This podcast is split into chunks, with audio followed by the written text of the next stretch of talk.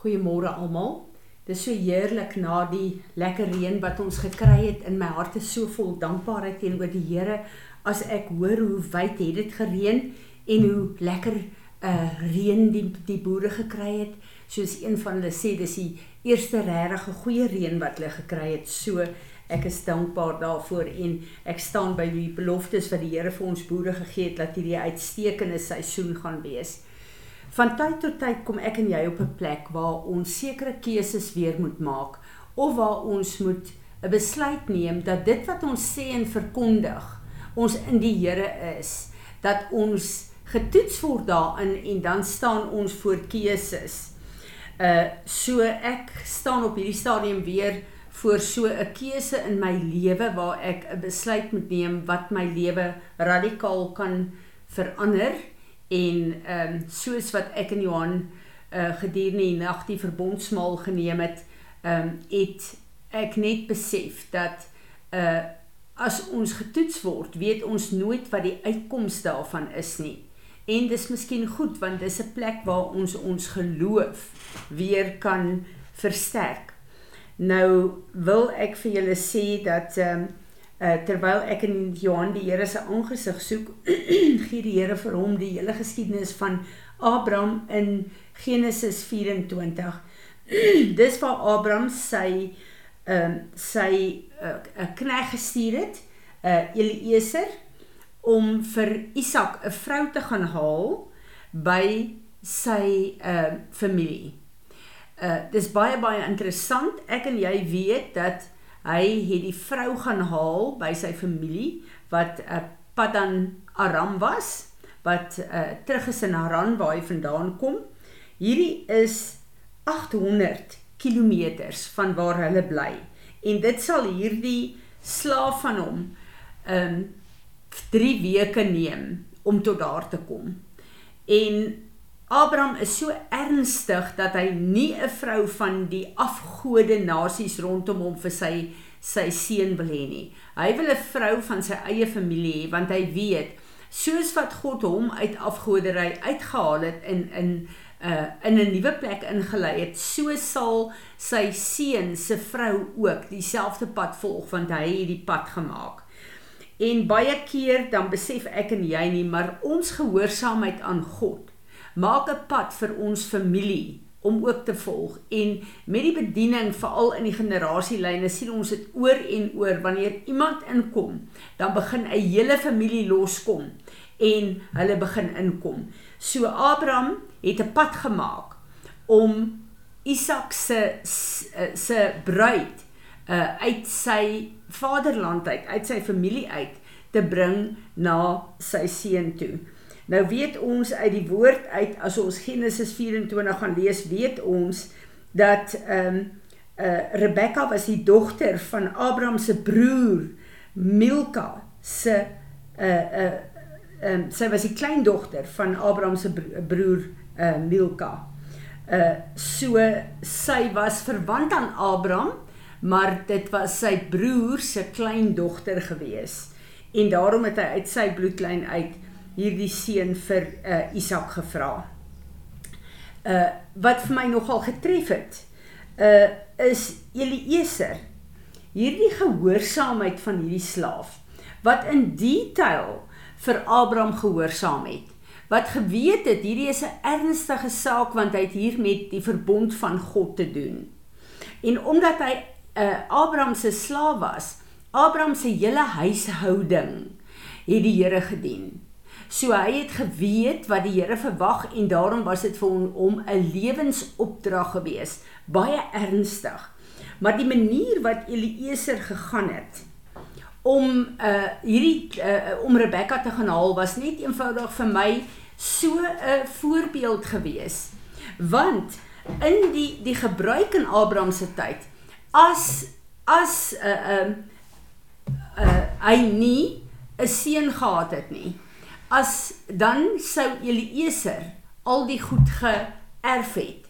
Geërf het wat wat uh Abraham bymekaar gemaak het en waarmee die Here hom geseën het. So hier kom hy en hy kom lê sy newe neer en hy sê dat ehm um, hy gee nie om hoe sy omstandighede lyk nie. die plek waar die Here hom geplaas het om te dien. Hy sal sorg dat alles wat hy doen, Abraham se uh destiny, sy rol op aarde vervul. En Eliezer het letterlik sy lewe neergelê om die verbond van God te dien en om te sorg dat Abraham die God word van Abraham, Isak en Jakob. En die gesindheid van hierdie uh slaaf uh as ons na hom kyk dan is hy die helper dan neem hy letterlik die plek in van Heilige Gees in ons lewens maar hy het in detail gegaan en alles in vervulling gebring sodat God se verbond om ons geslagslyn daar te stel in vervulling te uh, uh, uh, kan kom. Sy gehoorsaamheid het my so geseën ongeag sy eie gerief onthou daai tyd om om 800 km te trek en letterlik deur die woestyn te trek uh, is ongerieflik, ongemaklik. Jy lê alles neer. Jy los jou eie gemak. Jy los jou eie huishouding. Jy los jou werk, jy los jou familie, jy los alles. En jy gaan om God se opdrag vir 'n uh, 'n persoon te vervul. En jy is God se hulp om te kyk dat die verbond in Abraham se lewe uitkom. Vir my is dit so wonderlik as ek vandag kyk hoeveel naaiwer daar is uh in die liggaam van Christus ook en hoe mense mekaar nie iets gun nie en dis vir my baie 'n hartseer as ek sien dat dat uh elke persoon nie regtig besef hoe groot sy rol is in hierdie geoliede netwerk van ons Vader om sy koninkryk die liggaam van Christus te bou en sy koninkryk te laat kom nie. Dan besef ek uh nog altyd hierdie vyand uh uh uh hierdie wapen gebruik om mense te laat glo. Ek self het nie so 'n groot doel soos die volgende een nie. Ek dien maar net. Ek is maar net 'n lidmaat van 'n gemeente. Ek is maar net 'n deel van 'n bedieningspan ek is maar net 'n ek en jy is daai skakel as ons gehoorsaam aan God is aan die deel wat ek en jy moet doen dan kan God se meesterplan op aarde ontvou en sy koninkryk bou. As ek kyk na hierdie gedeelte van Eliezer en hoe hy sy lewe in sy gemak nie geag het nie om vir Abraham te dien en Rebekka in te bring, dan kyk ek na na 'n uh, 'n uh, skrif wat die Here vir my uh 2 weke terug gegee het terwyl uh ek en Johan gebid het oor Ehm um, Johan het nie vrede gehad dat ek Turkye toe gaan in hierdie tyd om deel te wees van die bedieningspan vir daardie vroue van die vervolgde lande se leiers nie. Uh het Johan getwyfel omdat hy's my man, hy wil my beskerm, hy wil my veilig hou. Uh sy liefde vir my wou nie regtig gehad het ons moet gaan nie en ons het erns uh, ons het ernstig gebid. En die skrif wat die Here vir my gegee het was Romeine 14 En ek lees dit vir julle, vers 7. None of us lives for himself for his own benefit, but for the Lord. And none, none of us dies for himself, but for the Lord. If we live, we live for the Lord. And if we die, we die for the Lord. So then, whether we live or die, we are the Lord's. Ek het op hierdie tyd weer besef julle, my lewe is nie altyd gefokus op ek lewe op aarde vir God nie. Want Jesus het my op Golgotha gekoop. En daarom is my lewe so vol allerhande goed dat ek baie keer moet letterlik kyk hoe ek die bediening inpas. En dit behoort nie so te wees nie. Ons moet ons lewens lei wat baie keer 'n vol lewe is. Maar as ons 'n lewe het waar God moeilik inpas in ons program, het ek en jy moeilikheid. Dan moet ons weet, ons moet ons lewe so bietjie herbedink. Ons moet ons tyd 'n bietjie kom uh, administreer en ons moet ons programme so plaas dat God 'n tyd in ons dag het waar ons uh, met sy salwing bedien kan word waar ons vry kan bly waar ons gesond kan bly waar ons uh, gekoppel is aan sy wysheid, die sewe strome wat vloei van die werking van die Heilige Gees wat deur ons moet vloei. As ek en jy nie reg geposisioneer is nie, kan dit nie gebeur nie.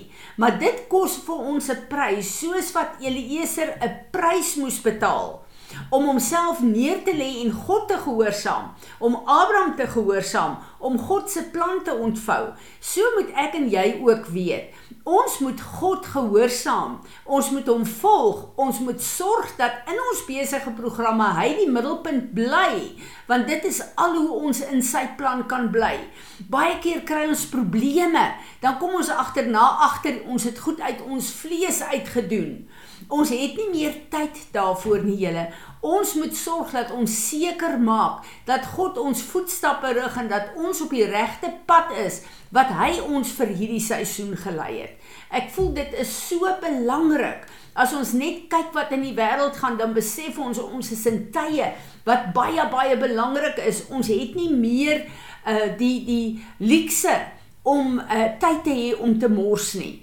En daarmee weet ek dat hierdie plek wat ek en jy het om daagliks in 'n gesprek met die Heilige Gees te wees, om in hierdie vriendskapsverhouding te wees, vrywaar ons van daai plekke waar ons so besig is dat ons hekke begin dra wat nie van hom af is nie en dat ons dan nie in vervulling kan bring dit wat hy ons geroep het voor nie.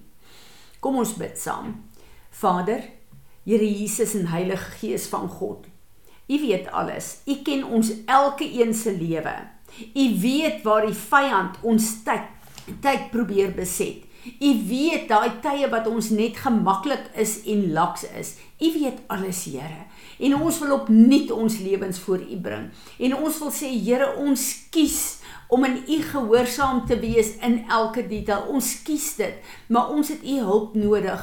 Heilige Gees, wys vir ons al die plekke waar daar strikke is waarna ons strap. En kom U en stuur U engele vooruit en maak ons paaie gelyk sodat ons lewens U naam kan verheerlik en die vrug kan voortbring wat U ons geroep het om te doen. Here Jesus, dankie dat U ons kom koop het. Ons is U eiendom.